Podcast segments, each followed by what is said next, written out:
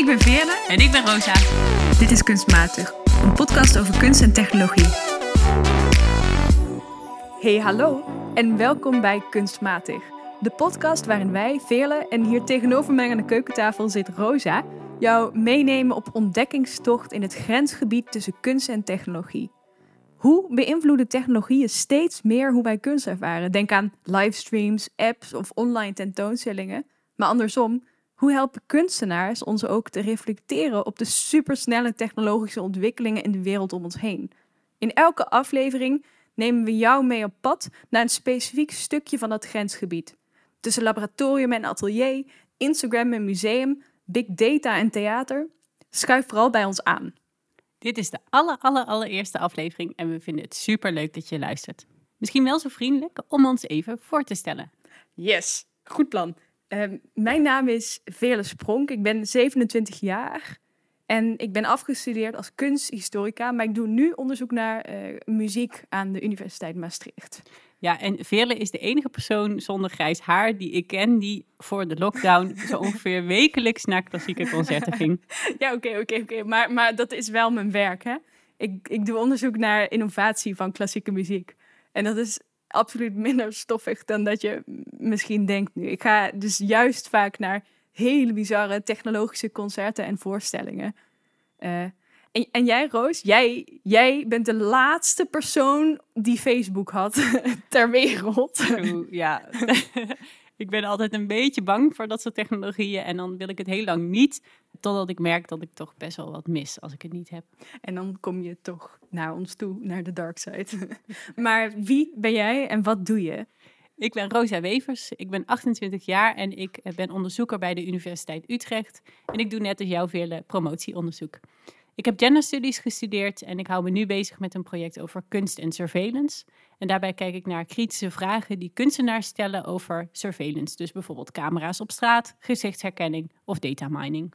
Ja, en al die ervaringen zorgen er normaal voor dat wij onderling de afgelopen 15 jaar, want ik ken jou al sinds ik 14 ben, nee, sinds de brugklas, de brugklas in Maastricht. Uh, nou ja, dat wij onderling als vriendinnen heel graag praten over de ontwikkelingen in de kunsten, de tentoonstelling die we hebben gezien, de films die we zijn gaan bekijken. En daar uh, nou ja, nogal discussies over kunnen voeren. Maar nu willen we dat praten over kunst en dat duiden wat we meemaken met jou gaan delen. En die fascinatie voor kunst en technologie die zo diep bij ons zit, die willen wij gebruiken om jou wegwijs te gaan maken in die superspannende wereld. Ja, en dat doen we als vriendinnen, maar eigenlijk ook als experts in dat vakgebied en op dat grensgebied. Inderdaad. En elke aflevering van Kunstmatig sluiten we af met een technologietip en met een kunsttip. Maar voor de kern van iedere aflevering nemen we je mee op pad om een specifiek stukje van het spanningsveld tussen kunst en technologie te verkennen. En dat doen we eigenlijk altijd aan de hand van een iets wat metaforische vraag, namelijk wat heb je vandaag meegenomen? We beginnen onze reflecties op het thema dus altijd vanuit concrete kunstwerken, voorstellingen, concerten, boeken enzovoort. Ja, en die kunnen we gisteren gezien hebben of al jaren geleden, maar we werden eraan herinnerd door dat specifieke thema. Yes, en vandaag voor de allereerste keer beginnen we breed. Beginnen we vanuit de basis van kunstmatig en willen we nadenken over de vraag: hoe kan kunst ons laten reflecteren op technologische ontwikkelingen en hoe beïnvloedt technologie juist de kunstwereld van vandaag de dag? Dus, Veerle, laten we maar meteen beginnen. Ja. Aan mij de eer. Wat heb jij vandaag meegenomen? Nou, Roos, wat leuk dat je het vraagt. um, nee, ik heb voor deze eerste keer heb ik een theatervoorstelling meegenomen door het Vlaamse theatercollectief, kunstcollectief Playfield. Dat zijn drie mensen, Lana Schneider, Marten Schneider en Tim de Pape, theatermakers, die voorstellingen maken waarin ze altijd het publiek een onverwachte rol geven. Dus je zit nooit in een zaaltje in je pluche stoel te kijken naar wat er op het toneel gebeurt. Er is altijd een twist. En ik zag dus dat zij een big data trilogie hadden. Dus drie voorstellingen die allemaal gaan over big data en over onze relatie tot technologie en alle drie een ander thema. En de laatste in die reeks, ze zijn onafhankelijk van elkaar te bekijken, Relay. Sorry, Relay? Wat betekent dat? Ja, ik moest het ook opzoeken. Het is Engels relay. En dat betekent eigenlijk dat een groep mensen of dieren of dingen die voor een bepaalde uh, tijdsperiode een activiteit doen, dat dat vervangen wordt door iets nieuws. Kun je Dus- een voorbeeld geven? Ja, denk bijvoorbeeld aan, vroeger had je altijd paard en wagen als standaard vervoersmiddel. En op een gegeven moment werd dat vervangen door auto's. Dus echt een soort basisidee van dat er vooruitgang is en dat dan dingen vervangen worden door iets nieuws. Dus eh, ja, Relay heette de voorstelling. En die speelde in Hasselt, vlak over de grens in België. En ik besloot daarheen te gaan. Ja, laten we meteen maar even gaan luisteren. Ik ben benieuwd. Nou, ik ben in het theater en ik hoop dat je me goed kunt verstaan, want ik heb een mondkapje op. Dat eh, is namelijk verplicht hier in België, ook in de theaters. We moeten stipt wachten tot acht uur en dan pas mogen we de zaal binnen. En ik ben helemaal geïntrigeerd, want we hebben een boekje gekregen waar acht ja, soort titels staan. En er staat bij All items in the exhibition are part of the relay collection. Alsof we een, een tentoonstelling gaan bezoeken in plaats van een theaterstuk. Nou, en al heel snel werden we dus in die foyer opgehaald door onze gids. De theaterzaal in. follow me, please. Follow me, please. And just like that, they found a companion in an equally intelligent being, a long lost brother they created themselves.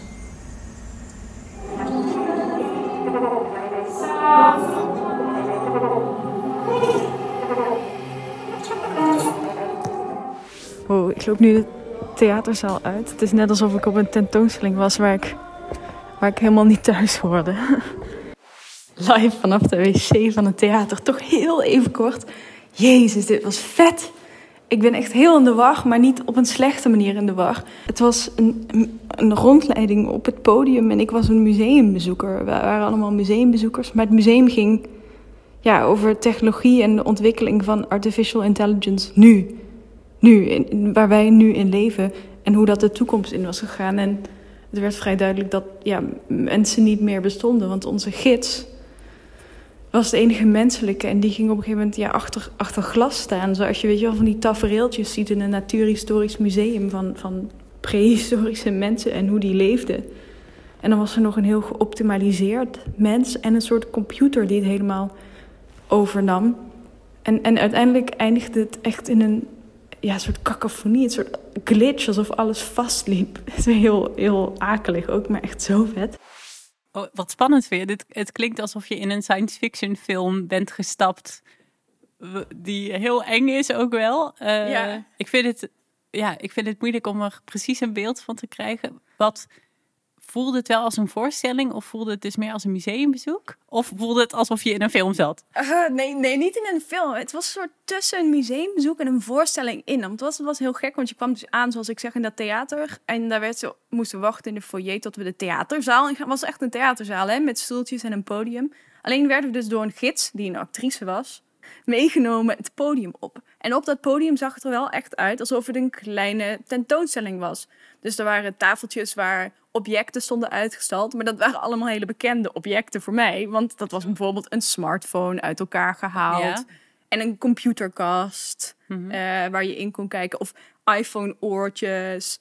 Of ook dingen als contactlenzen voor je oog. En soort grote screenshots van WhatsApp-communicatie. Alsof het een kleitablet was, weet je wel? Oh, vet, oké. Dus echt een museumopstelling met sokkeltjes en met van die glazen bakken waar dan objecten in lagen en objecten aan de muur. En aan de rechterkant was er dan zo'n heel groot glas waar ik in het begin niet duidelijk was Mhm. wat dat was.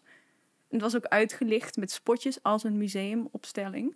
Dus echt zoals je denkt dat misschien in de toekomst een museum over de tijd nu eruit ziet. Precies. Dus het was echt alsof ik in een soort natuurhistorisch museum slash wetenschapsmuseum liep. Maar dan ging het niet over honderden jaren geleden of de verlichting, maar over waar ik zelf nu in leef.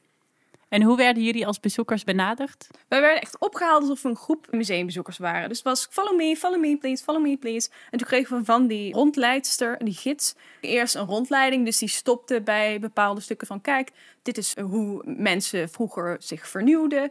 Bijvoorbeeld ze optimaliseerden hun zicht, waardoor ze dus implantaten in hun ogen, waardoor ze dan goed konden zien. Dus echt hele alledaagse dingen werden zo omschreven. En het Jullie werd werden eigenlijk benaderd als eh, bezoekers van de toekomst, als mensen van de toekomst. Ja. Oké. precies. Ja. Of als AI-systems. of als AI-systems. Want het werd dus gloomier en gloomier. Je begon met die rondleidingen, dat was best wel grappig. En je snapte in wat voor rol ze je neer hadden gezet. Maar op een gegeven moment werd het dus duidelijk dat die gids stopte met de rondleiding en die nam dus plaats achter het glas. Die werd onderdeel van de tentoonstelling. Zij was een mens. Stond ook op het bordje daarnaast beschreven. En dit was hoe mensen er vroeger uitzagen en bewogen. Ja. Maar al vrij snel lichtte er dus in een andere hoek op. En daar bleek nog een vrouw te zitten. Die hadden we helemaal niet gezien. Oh. En die begon een relaas te houden op een vrij mechanische manier over alles wat zij de hele dag door meten. Ik meet mijn calorieënname, ik meet mijn slaap, ik meet hoeveel zweet ik verlies, ik meet hoeveel zonnestralen er zijn, ik meet de temperatuur, ik meet mijn bowel movement, ik meet mijn et cetera, et cetera, et cetera. Zij was een soort hyper geoptimaliseerde versie van een mens. Dit klinkt ook wel heel erg als het soort mens dat Silicon Valley ons wil laten zijn. Precies. Een soort merging tussen technologie en mens. En het werd al vrij snel duidelijk dat tijdens de tussenvorm was. Want daarna lichtte er een ander stuk op waar op een sokkel een soort mechanisch ijzeren houten bol. En die bewoog. En al vrij snel zagen we aan de bewegingen dat het een hart was. Het was een soort pulsbeweging. En daar kwam dus een computerstem overheen. En dat bleek eh, intelligente technologie die de mensen überhaupt volledig buitenspel had gezet. Dus wat die voorstelling deed, was je dwingen om na te denken: oké, wij zitten nu in een tijd waarin dit soort technologieën ontwikkeld worden. As we speak zijn mensen hier de hele tijd mee bezig met kunstmatige intelligentie en dat optimaliseren. En zij hielden je eigenlijk drie perspectieven voor. Dus één, waar mensen volledig buitenspel werden gezet. Twee, waar wij samen gaan met technologie. En drie, waar we overgenomen worden door, eh, door technologieën. En zo leek je bijna te vragen van, nou ja, niet kiezen of niet hiermee bezig zijn, is ook kiezen. Dus wat doen we, weet je wel? Oh, wat Shall we beat them? Eh. Zeg maar, if you can't beat them, join them. Ja. Een soort van dat idee. Ja. Dus het dwingt je eigenlijk om een standpunt of positie daarin in te nemen. Nou ja, ja in, in, in zekere zin dat. Maar het eh, maakt je ook er bewust van, van nou ja, het is eigenlijk geen, het is geen optie meer om daar niet over na te denken. Dat had ik zelf heel erg. En het was heel gek, want het was tegelijkertijd dus een, een blik de toekomst in. Dus van, oh jeetje, dit soort ontwikkelingen zijn nu aan de hand en wie weet waar dat heen gaat. Tegelijkertijd was het een blik naar hoe verhoud ik me tot het verleden. Wat doe ik eigenlijk als ik normaal door een natuurhistorisch museum loop? Of door zo'n technologiemuseum. Denk, haha, oh leuk, lampen, dat bestond toen nog niet. Al die omschrijvingen die bij die objecten stonden, die waren zo kreupel eigenlijk. Als in, het is super gek natuurlijk om oortjes of een contactlens tentoon te stellen en erbij te schrijven. This is what was human improvement. Ja, precies. Super gek. Ja. Maar het waren wel precies het soort teksten. dat Ik denk, ja, ik heb dit al vaker gelezen. Ook toen ik door antropologische Ja. musea liep, bijvoorbeeld. Ja. En nu denk ik, ja, dat is ook een hele, hele, hele platte omschrijving van zo'n andere eh, samenleving of zo'n andere cultuur. En dat wordt je heel helder als dat gespiegeld wordt en het gaat over jezelf. Keek je na deze ervaring anders naar je koptelefoon of naar je telefoon? Nou, niet naar mijn koptelefoon, maar wel naar. Ja, nou ja, ik ben daarna meteen wel, meer, wel dingen gaan lezen over ontwikkelingen. Want zij, schreven zelf ook nog een stukje over eh, Elon Musk. En die nu bezig is met het brein van een varken dan laten besturen door een AI-soort intelligentie. En dat dat gewoon nu aan het gebeuren is. Toen dacht ik, ja, shit, dat is wel echt het geval. En ik was toevallig ook een boek aan het lezen, wat ik niet zeker weet of ik het aanraad, maar Machines Like Me door Ian McEwan.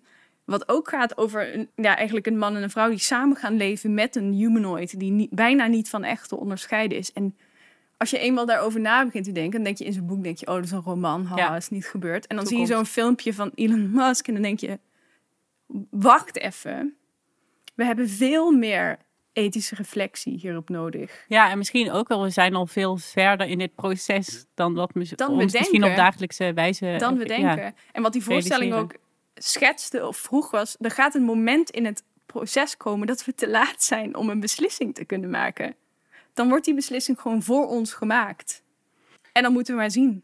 Ik zit gewoon meteen te denken, de verkiezingen komen eraan. Als je nadenkt over hoe groot de rol eigenlijk is van dit soort onderwerpen in verkiezingscampagne, is dat eigenlijk nog heel erg klein. Terwijl de, de impact die die technologie op ons heeft, is ontzettend groot. Ja. Nou, dat brengt mij dan tot de vraag, is dit nou kunst of matig? Ja, de allereerste keer dat we daar een antwoord op moeten geven. Nou ja, ik kan eigenlijk wel volmondig zeggen dat dit is wat voor mij kunst kan doen. even terugdenkend naar, naar de vraag waar we mee openen. Hè? Hoe kan kunst ons nou reflecteren? Nou, dit is voor mij een soort uitgekristalliseerde kritische reflectie op ontwikkelingen die aan de gang zijn nu. Dus deze voorstelling die hielp mij daarover na te denken door te verbeelden wat zou kunnen zijn. Hoe absurd ook, of hoe gestileerd ook. Dit was een toekomst die mij heel hard een spiegel voorhield. Ja, over het, hoe weinig ik daarmee bezig het ben. klinkt alsof het en je verbeelding in gang zette nog meer. En je ook op een andere manier daarna heeft laten kijken en erover heeft laten nadenken. Precies. Dus ik denk dat dit een perfect voorbeeld is van wat kunst voor mij persoonlijk in ieder geval kan betekenen. En wat een impact dat kan hebben. Nog meer dan een artikel erover lezen in de krant bijvoorbeeld. En ik ga meteen zeggen voor de luisteraars, mocht je nou meer hierover willen weten, alles wat we bespreken is te vinden op onze website en ook in onze show notes. Daar, dus daar kun je alle informatie vinden. En Roos, wat heb jij meegenomen? Wat ik deze week heb meegenomen is eh, de Google Art app. Oh ja. Nou, je kent me. Het was alweer een heel ding voor mij om dit te downloaden. Want dat doe ik liever niet. Want dan heeft Google natuurlijk weer al mijn gegevens. Ook al heeft Google dat ongetwijfeld allemaal al. Maar goed, ehm, de podcast is natuurlijk heel belangrijk. Dus speciaal voor de podcast heb ik het toch maar gedaan. Wat een dedication. Ja, het is heel belangrijk. Dus de Google Art app eh, bestaat al heel lang. En wat ze hebben, hebben gedaan is eh, heel veel grote musea en kunstcollecties over de hele wereld gratis toegankelijk maken en ook online toegankelijk maken. Nou ja, zeker in deze tijd is het natuurlijk super dat je toch een expo kunt bekijken, maar dan vanaf eh, je computer, Mm. als je het huis niet uit mag. En ik denk dat Google Art echt zo'n grote ontwikkeling is die, aan, die gewoon heel veel vragen met zich meebrengt. Dus aan de ene kant eh, kunnen we zeggen, ja, het maakt kunst toegankelijk. Eh, het is een, ook een democratisering van kunst. Aan de andere kant kunnen we ons afvragen wat het betekent dat zo'n hypercommercieel eh platform als Google dit allemaal maar zomaar toegankelijk maakt. En dat brengt ook vragen met zich mee over eigendomrecht, auteursrecht en ook over eh, de macht die Google eigenlijk heeft om een soort kanon in te stellen en Ja. om te bepalen wat is nou kunst, wat zijn de grote kunstenaars. Ja, want Rijksmuseum staat er wel in. Precies. Maar heel veel andere musea niet. Ja, nee, ik snap wat je bedoelt. Dus het, het maakt het aan de ene kant democratischer, maar aan de andere kant vertaalt het denk ik ook heel erg bepaalde vaststaande ideeën over Ja. wat kunst met een grote K is. Nou ja, eh, online. En daar is ook best wel veel kritiek op gekomen. Dus eh, je zag ook dat in eerste instantie het de grote westerse meesters waren. Toen kreeg ze veel kritiek dat het een hele eurocentrische blik was op kunst. En nu zie je ook dat ze langzamerhand bijvoorbeeld meer street art laten zien. Ook kunst van inheemse kunstenaars. Maar ik denk dat daar wel nog een lange weg te gaan is. Dus dat was, eh, het op, is het object dat ik meeneem. En ik wil met jou iets gaan doen in Oh. deze podcast. Leuk. De app heeft namelijk de optie om een art selfie te maken om your artistic doubleganger te vinden. Oh my god. Dus ik dacht, eh, dit zijn dus typisch van die dingen die ik liever niet doe. Maar Oh, voor de omdat je je podcast. gezicht uploadt naar Google. Ja, precies. ja. Maar er staat overal Google belooft dat ze het niet opslaan in een database en dat het echt alleen hiervoor wordt gebruikt. Ik denk dat we daar kritisch op moeten zijn. Maar goed, voor de sake of the podcast wil ik dit even met jou gaan proberen. Alright. Oké. Laten we proberen. Oké, nou, ik heb hem hier. Ik ga even een foto maken. Wat je dus kunt doen in de app is een selfie maken. Ja. En dan? Zie je allemaal witte puntjes eh, verschijnen. En dan gaat hij kijken op welk kunstwerk eh, uit de grote kunstgeschiedenis je het meeste lijkt. Dus gezichten. Gezichtherkenning, ja, Ja. precies. En dan zie je dus allemaal percentages. Oh my god, Roos. Dit is niet heel charmant. Even kijken. Ik heb eh, deze. Oh, sexy. Ja. Portrait of a Woman in Van Degas. Grey. Van Ed, ja, precies. Uit de Leuk. collectie van de Metropolitan Museum of Art. En vervolgens met 67% match heb ik Portrait of Madame Castelier. Ehm, uit de kunsthalle Bremen. Nou, helemaal worldwide. Wat heb jij? Oh, moet je... Ik weet niet of ik hier nou per se blij mee ben. Gewoon vergeleken met een soort oude vent. Pieter de Jode van de Staten van Holland. Uit het Rijksmuseum wel, hè? Oké, oké. hallo. Maar, Oh, die lijkt wel. Ja, maar waar baseert hij nou die percentages op? Waarom lijk ik nou 56% op het portret van deze Marie? En, en, Ja. en 42% op deze vent? Ja, ik heb het idee dat ze we- werken zoals veel gezichtsherkenningstechnologieën werken. Dus dat ze eigenlijk de uitstekende delen van je gezicht eh, Dus je eruit halen. En volgens mij ook haarkleur. Ik heb zelf bruin haar en alle vrouwen hierop hebben bruin haar. Oh, nu je het zegt. Oogkleur denk ik ook wel. Bizar. Ja, en dat is ook wel een van de grote kritieken die eigenlijk deze app met zich meebrengt. Omdat het zich baseert op die grote kanon van de kunstgeschiedenis, zie je dat veel mensen die een niet-witte huidskleur hebben bijvoorbeeld... Geen ehm, matches Nou ja, krijgen. geen matches vinden of heel weinig matches. Of dus Oh, alleen nee. matches vinden die heel stereotyperend zijn. Dus bijvoorbeeld van tot slaafgemaakte mensen. Dat dat eigenlijk de enige match is eh, Wow. die er bestaat. Dus in die zin legt de app eigenlijk een hele ja, pijnlijk aspect van de kunstgeschiedenis bloot. Ja. En dat het laat zien hoe vooroordelen, stereotypes nog steeds een groot onderdeel zijn van die kanon. En ik denk dat die technologie dat niet per se... Het legt het eigenlijk bloot, maar het is niet per se dat het het omdraait of zo. Nee. Het houdt het denk ik ook wel in stand. Maar ik ben ook aan het denken. Ik kende, ik kende wel die, die, die musea, dat je door een museum wandelt via Google Art. Maar hier, dit zijn echt soort scans van alle werken ook. Ja, Dus ze hebben zo'n database. Die ze, dus ze maken een soort historische versie van een gezicht of zo. Waar ze jouw gezicht dan tegenaan leggen. ja. Nou, wat ik, ook wel, wat ik ook wel interessant is, want ik merk nu zelf ook dat ik denk... Ja, je hoopt denk ik toch wel dat je gewoon een super charmant historisch portret vindt. En dat is dan heel leuk om ook online te delen. Maar nou ja, de, de helft van de, van de beelden zijn gewoon echt niet zo charmant. Nee. En ik denk dat het ook wel iets zegt hoe we met zo'n selfie. Het is natuurlijk een vorm van participatie en het betrekt je heel erg bij die Ja. kunstgeschiedenis en bij die kunstwerken. Maar tegelijkertijd, ja, misschien ook wel, te- wel het idee dat het een bepaald soort waarheid blootlegt. Van. Het kan of heel vlijend zijn of ja, je bent een beetje beledigd. Alsof ze zeg maar doorhebben van eigenlijk in de kunstgeschiedenis zou jij een, ehm, een knappe hofdame zijn of ehm, een boerin. Of deze vent Of- van of de deze Staten-Generaal. Ja. Daar ben je dan mooi klaar mee. ja. En wat ik ook, ik heb nog iets anders meegenomen wat hier eigenlijk mee samenhangt. Want we hebben, dit is natuurlijk weer dat hoe kunst ervaren wordt. Maar ik kwam een heel tof project tegen van een, ik vermoed Italiaanse kunstenaar, Mario Santamaria. Ja. En het project heet Phantom of the Mirror. En wat, hij, wat hij eigenlijk heeft gedaan is. Oh ja, dan moet ik eerst even uitleggen. Want eh, wat Google Art ook doet, is dus dat je dus zeg maar digitaal of virtueel door een museum Ja, heen kunt. precies. ja, precies. Om het echt te ontsluiten. Dat je zo'n wandeling door een tentoonstelling kunt maken als je wil, toch? Inderdaad. Dus je waant je bijvoorbeeld in het Louvre. Ja. En wat eh, Mario Santamaria heeft gedaan, is dat hij eigenlijk de momenten vast heeft gelegd waarop eh, Google zelf per ongeluk een selfie heeft gemaakt in dat museum.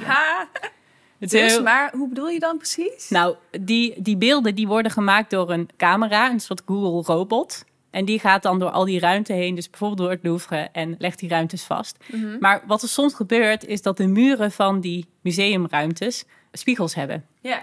En op die momenten wordt ineens de camera in die ruimte zichtbaar. Ja, ja. En dat creëert hele interessante beelden. Dus zijn fotoproject bestaat eigenlijk uit allemaal eh, screenshots van die momenten waarin je die Google-robot aanwezig ziet. Wat grappig. En daar maakte eigenlijk Google zelf een selfie.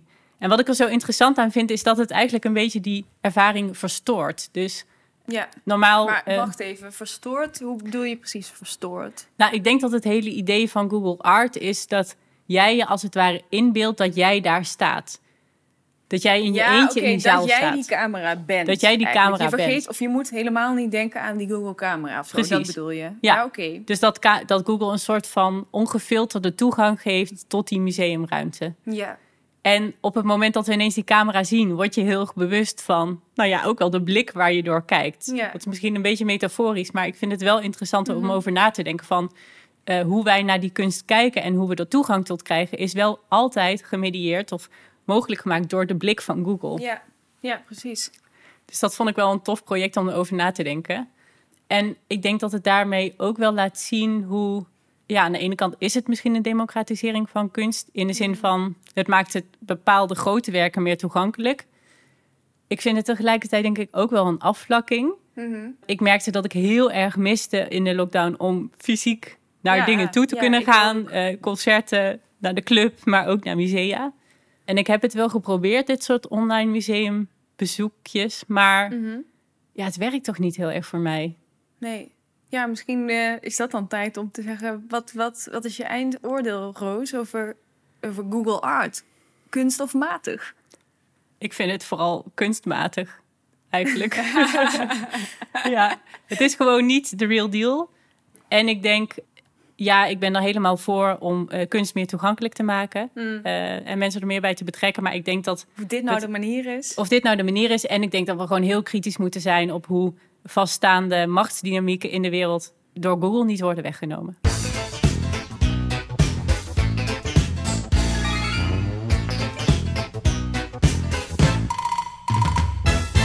In Gekke Gadget bespreken wij elke aflevering een gekke gadget die we hebben gevonden, die we zijn tegengekomen, die we hebben meegenomen en getest voor jullie voor deze podcast. Deze keer is, eh, ja, mag Veerle de aftrap doen. Veerle, wat heb je meegenomen? Ik heb iets heel cools meegenomen, vind ik zelf. Ik was twee weken geleden op een conferentie. En daarvoor zou ik eigenlijk... Voor mijn werk ga ik soms naar conferenties. Dan moet ik dan presenteren over mijn onderzoek. En hier zou ik eigenlijk voor naar Praag moeten. Leuk. Maar ja, leuk. Maar toen was het omgezet naar een virtual conference. Toen baalde ik daar heel erg van. Want dat betekent... Dat klinkt spannend. Maar dat betekent vier dagen fulltime zoomen. Minder spannend. En geen drinks. En, geen, drinks, diners. geen bier in Praag. Er schijnt de grootste nachtclub van Europa in Praag. Er zit Ja. niks van Ja. dat alles thuis. Gewoon alleen laptop. maar de, de content, Precies. de inhoud. Jammer.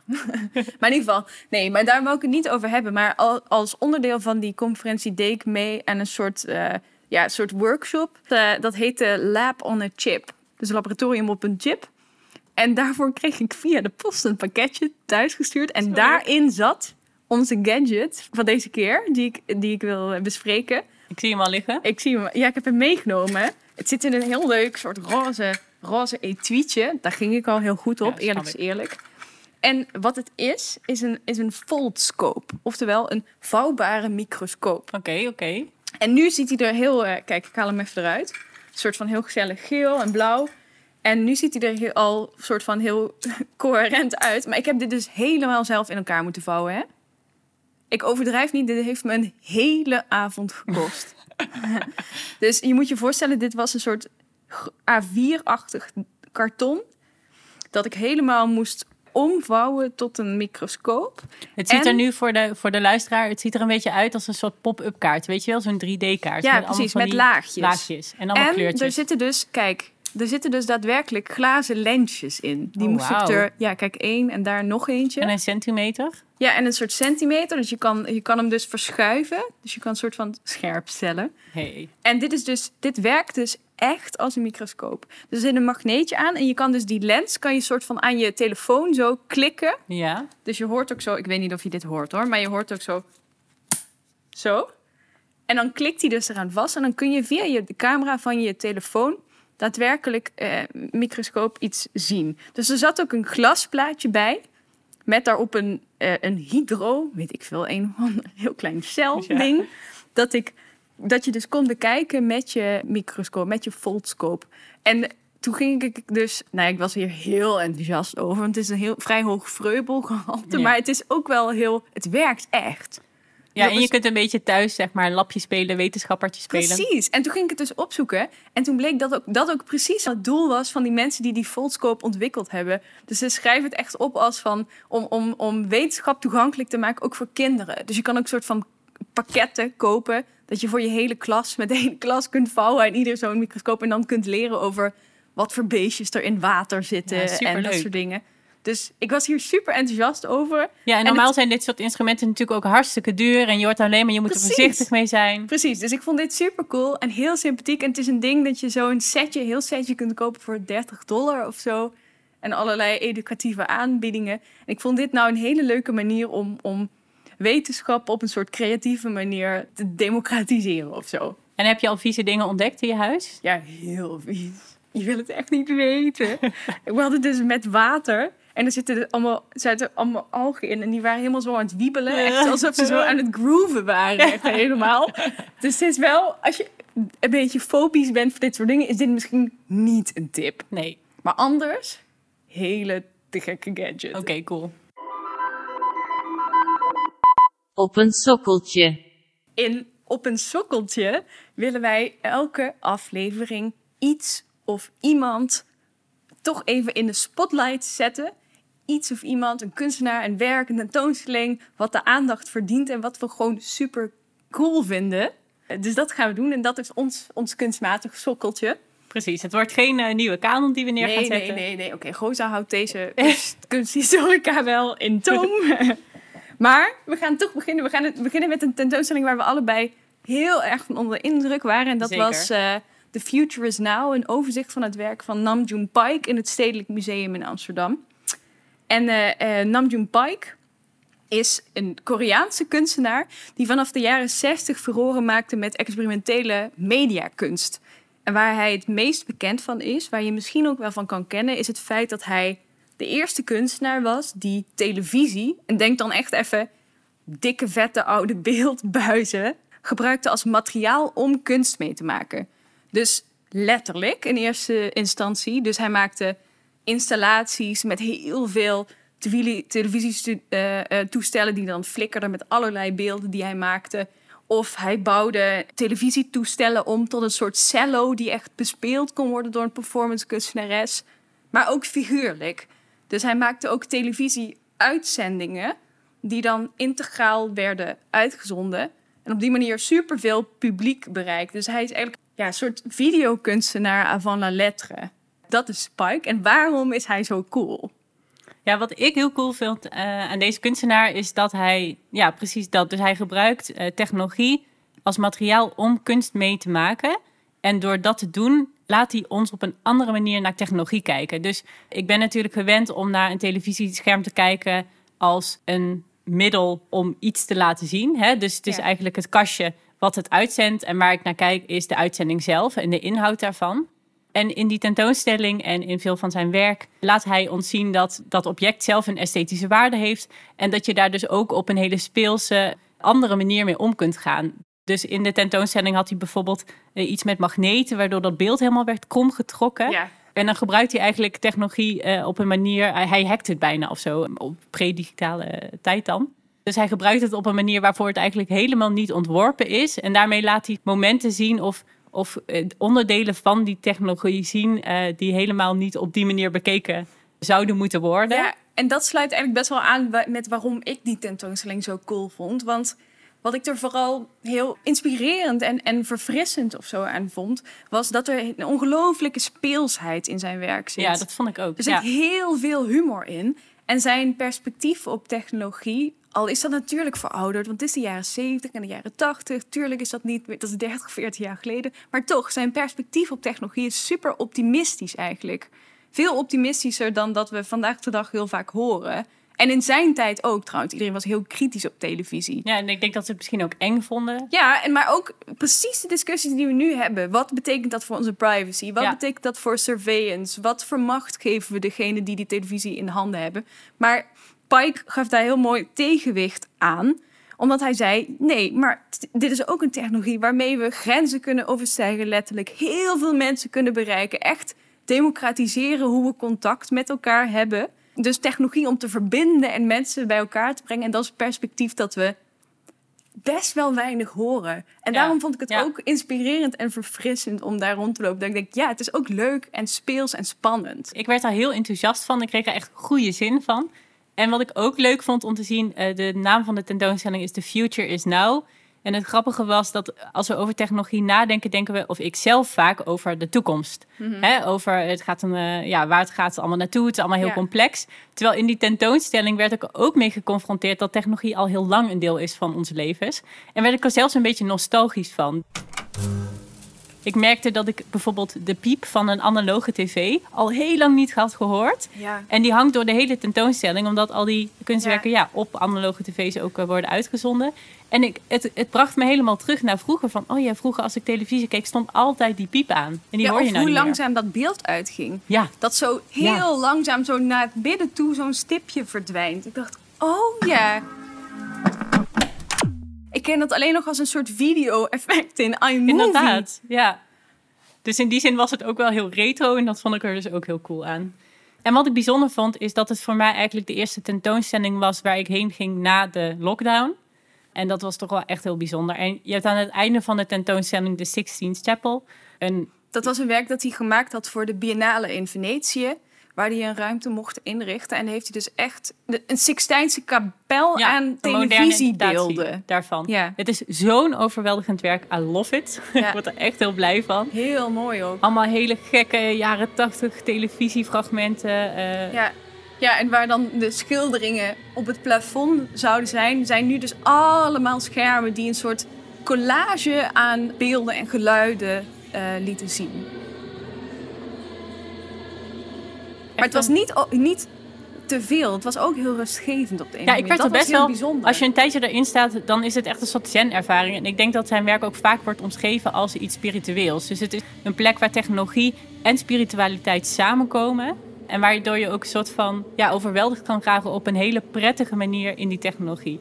En wat ik dus heel fijn vond, was na al die tijden van de lockdown alleen nog maar mensen zien via een scherm. Op die manier met technologie omgaan, was, was ik er heel erg moe van. En ik denk door de tentoonstelling kreeg ik er weer zin in. En ja, was ik in het moment met technologie. En ik denk dat technologie juist het moment mooier maakte en versterkte. En dat was een ervaring waar ik onbewust heel erg behoefte aan had. Dat had ik ook heel erg. En daarom, alleen al daarom verdient hij het sokkeltje, Zeker. ik. Dat vind ik ook. En met ons eerste sokkeltje zijn we dan aan het einde gekomen van de eerste aflevering van Kunstmatig. Wil je nog iets nalezen over de dingen die we hebben besproken? Check dan de show notes bij deze aflevering. Of ga naar onze website www.kunstmatigdepodcast.nl. En wil je nou onze Google Art selfies bewonderen of ons daar heel hard om uitlachen, dan mag dat natuurlijk ook. Check daarvoor Kunstmatig de podcast op Instagram. En via die weg, via onze Instagram, horen we het ook super graag. eh, als je tips hebt of ideeën of werken of voorstellingen. Dat je denkt, jullie moeten dit zien. Dan stuur ons een berichtje, want dat willen we graag weten. Dat horen we heel graag. En wat ons ook helpt is, abonneer je als je het leuk vond, deze eerste aflevering. En als je ons het gunt, ga naar iTunes en geef ons daar sterretjes. Daar worden we heel blij van. En nu, eh, ja, waar, waar, waar kijk jij naar uit komende weken? Ja, ik ga naar het nieuw museum dat geopend is, het Next Museum. Een, museum vol met mediakunst. Ik ben heel benieuwd. Er is ontzettend veel reclame voor gemaakt. En eh, nou, we gaan het zien. Het ziet er heel vet uit. Ja, ik moet heel eerlijk zeggen dat ik niet verder kan kijken naar The Fly van Mathieu Hermans, die ons hier op te wachten staat voor na de opname. Dus daar kijk ik nu vooral naar uit. Ja, ik ook. Zo lief dat je dit hebt meegenomen. Dus tijd voor Fly voor ons. En eh, tot de volgende keer. En we willen wel nog even eindigen met een shout-out naar alle lieve mensen die voor ons deze podcast mogelijk hebben gemaakt. En dan in het bijzonder Jelle, Pim, Guy Cleo, en Anne. dank jullie wel jongens. En dank jullie wel voor het luisteren. Tot de volgende aflevering van Kunstmatig.